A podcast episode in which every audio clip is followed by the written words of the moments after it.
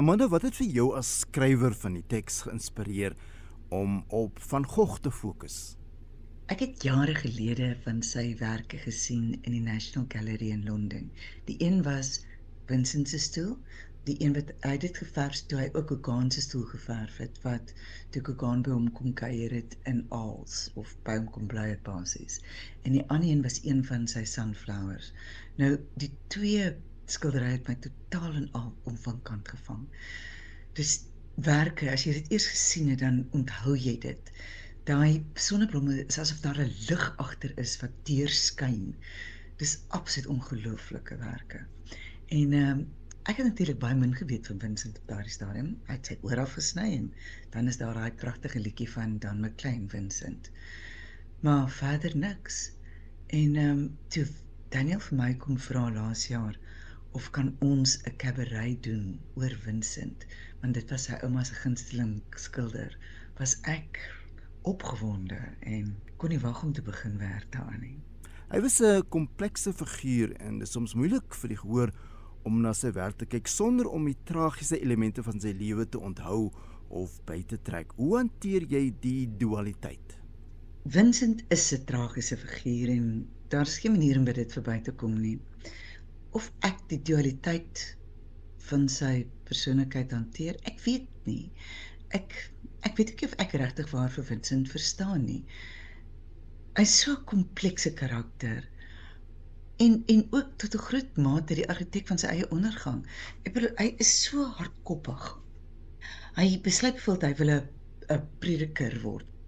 En dan gaan swat hy 'n hele jaar lank, maar wanneer hy moet die eksamen skryf om nou te kwalifiseer, dan weier hy net eenvoudig om die Latyn eksamen te skryf want dit is die taal van dooie mense. Hy kan nie kwalifiseer nie, so hy skiet homself in die voet. En daar is geen manier met hom te onderhandel daaroor nie. So tragies is hy wel. En ja, ek dink die mens kan Vincent se tragiese sy van sy skilderye ook skyn nie. Ek dink dit is daai opre dringendheid wat hy in sy skilderye het kom definitief ook deur.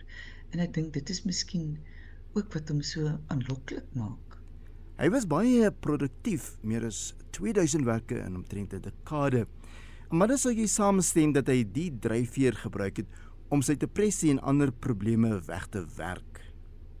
Ja, ek sien met jou 100% saam met dit. Ek dink werklik waar hy het gewerk om sy depressie in toon te hou miskien. Ek bedoel 2000 werke in 10 jaar, dit wil gedoen wees. Maar hy is Ek dink daar was 'n dringendheid in hom om dit wat in hom was uit te kry en vir mense te wys hoe dit lyk, want hy het definitief dinge op 'n ander manier gesien as die man om hom. En sy liefde vir die natuur het hy amper uit uit amper die natuur lewendig gemaak, die bome, die die lug, alles te leef, dit beweeg. Dit is jy kan die energie sien vloei in sy werke. En ek dink dit is wat hom so besonders maak as 'n kunstenaar. Vincent van Gogh se werk is vandag onbekostigbaar duur en tog het hy in armoede gesterf en is hy eers na sy dood erken as een van die grootste skilders van ons tyd. Ja, hy is in armoede. Ek bedoel geweldige armoede het hy geleef. Ek bedoel, jy weet, hy was so arm geweest dat hy by tye van dat hy verf geëet het of terpentyn gedrink het en net brood geëet het en dit het natuurlik sy gesondheid geweldig beïnvloed en ook nie 'n goeie invloed gehad op sy geestelike gesondheid nie. En natuurlik was hy altyd iewers 'n uh, geldjie geweest vir 'n stukkie absinthe. Ek bedoel sy broer Theo het hom vir baie baie jare onderhou. Maar Vincent het basies al sy geld uitgegee op verf en op doeke om te verf.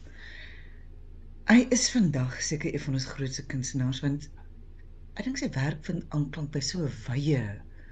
Ek dink 'n mens kan sy wroging voel in sy werk, maar ook dit is net dit is net so ongelooflik mooi as jy daarna kyk.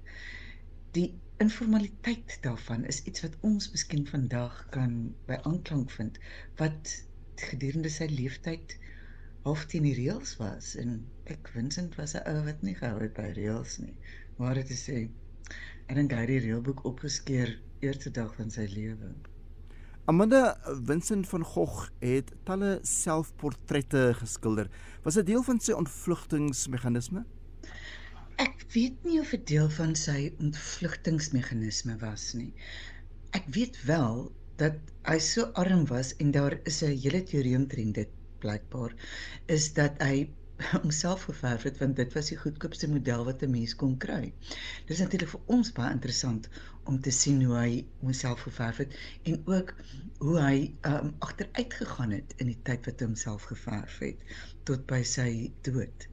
En jy kan absoluut sy agteruitgang sien weet ehm um, geestelik en ook ehm um, hy was 'n netjiese man gewees in die begin. En teen die einde was hy regtig waar onversorg en maar So dit is 'n baie interessant hoe hy sy eie agteruitgang eintlik gedokumenteer het in die proses. Daniel Anderson speel twee rolle in die stuk. Dit is nogal slim om dit waar ons nou gesels het op die manier uit te beeld. Daniel speel meer as een rol in Vincent. Ja, ons het nodig gehad dat ander mense ook ehm um, dat ander mense ook stemme het en of dit slim is van ons, ek weet nie, dis maar weet ek weet nie van 'n ander manier om dit te doen nie. En ehm um, Daniel is 'n uitstekende akteur en 'n briljante sanger. Dit is net vir my so lekker om met hom te werk. Ek kan dit vir niemand verduidelik nie. Hy's so hy's talentvol, ja ja, maar dit is nie wat hom suksesvol maak in Vincent of in enig van die ander stukke wat hy doen nie. Wat Daniel suksesvol maak, is die feit dat hy so toegewyd is tot sy produk. Ek bedoel ons doen al Vincent vir meer as 'n jaar. Vincent is gebore in wel ons Vincent stuk bedoel ek nou is gebore in Mei maand laas jaar by die Oos-London Umtisa Festival. En dit is alweer Mei en ons doen nog steeds Vincent.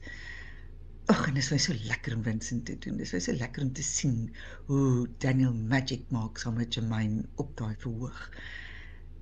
Ek weet ek weet regtig van hoe ek dit anders sou gedoen het nie. Daniel speel Vincent, maar ehm um, dis maar net Vincent hoe ons dink Vincent sou gewees het. Hy lyk nie soos Vincent op die verhoog nie. Dis maar net 'n interpretasie van wat ons dink Vincent sou doen. Hy lees die briewe voor wat ook Theo is en natuurlik uh, dit is 'n dis 'n stuk wat 'n komplekse man soos Vincent te vertolk het meer as een stem nodig gehad. Jermaine Gamit is verantwoordelik vir die musiek. Nou, watter musiek gebruik julle? Jermaine Gamit, wat 'n absolute juweel. Hy is ons mus musical musiek direkteur en ook die pianis vir Vincent. Die verhouding tussen Jermaine en Daniel op verhoog, op die verhoog is integraal tot die sukses van hierdie stuk. Jermaine is daarom hy ondersteun en hy hy begelei op 'n manier wat hy hy gee leiding en ondersteuning en en onderskraging amper wil ek sê. Dit is net so sensitief wat hy doen die die, die stukke wat is die musiekstukke wat ons kies is die drie van ons Daniel, ek en Jermaine. Ons kies ons het dit saam gekies. Die stukke is totaal en al uiteenlopend. Ek meen, daar's 'n stukkie van Queen, daar's 'n Sondheim, daar's 'n Brel. En dit is nie goeie vir die mens dink alles in een stuk behoort te wees nie, maar dit vertel die storie. Dit is die die musiek is gekies om die storie verder te vertel. Dit is basies deel van die teks, nie musikale interludes nie. Dit is werklik waar deel van die teks. En ek moet ook sê tussen Jermaine en Daniel het hulle die stukke totaal en al herontdek, her uh, skep moet ek sê seker. Dit is soveel soos Queen se Somebody to Love. Is nie soos wat jy dink Queen se Somebody met to Love moet klink nie. Maar kom luister. Ek is seker van julle sal van hou. Amanda, daar's ook projeksies wat vertoon gaan word. Wat is die doel daarvan? Ons gebruik projeksies van van Gogh se werke, maar dis meer as 'n uh, eh, as dekor, as agtergrond. Hoewel dit tog sou ek sê sy, sy lewensstorie ook vertel tot 'n mate en ook um, vir ons vertel van waar hy vandaan kom en waar hy heen gaan. Maar ek dink nie die projeksies is die belangrikste ding in die in die in die spesifieke toneelstuk nie van Gogh se werk is net so mooi, mens kon dit net nie ignoreer nie. Amanda Botha, julle tree binnekort by die Theatre on the Square in Sandton op. Hoe lyk die speelvak? Vincent is in die Theatre on the Square in Sandton vanaf die 31ste Mei tot die 10de Junie. Die kaartjies is beskikbaar by CompuTicket. Ons speel die van die Woensdag tot die Saterdag elke week en ek hoop van harte dat die gehore in Johannesburg ons so goed sal ontvang soos wat gebeur het in Kaapstad en in Durban. Ek sien verskriklik uit daarna om in Theater on the Square op te tree. Dit is so ikoniese teater. So, kan nie nie. How you tried to set them free They would not listen, they're not listening still Perhaps they never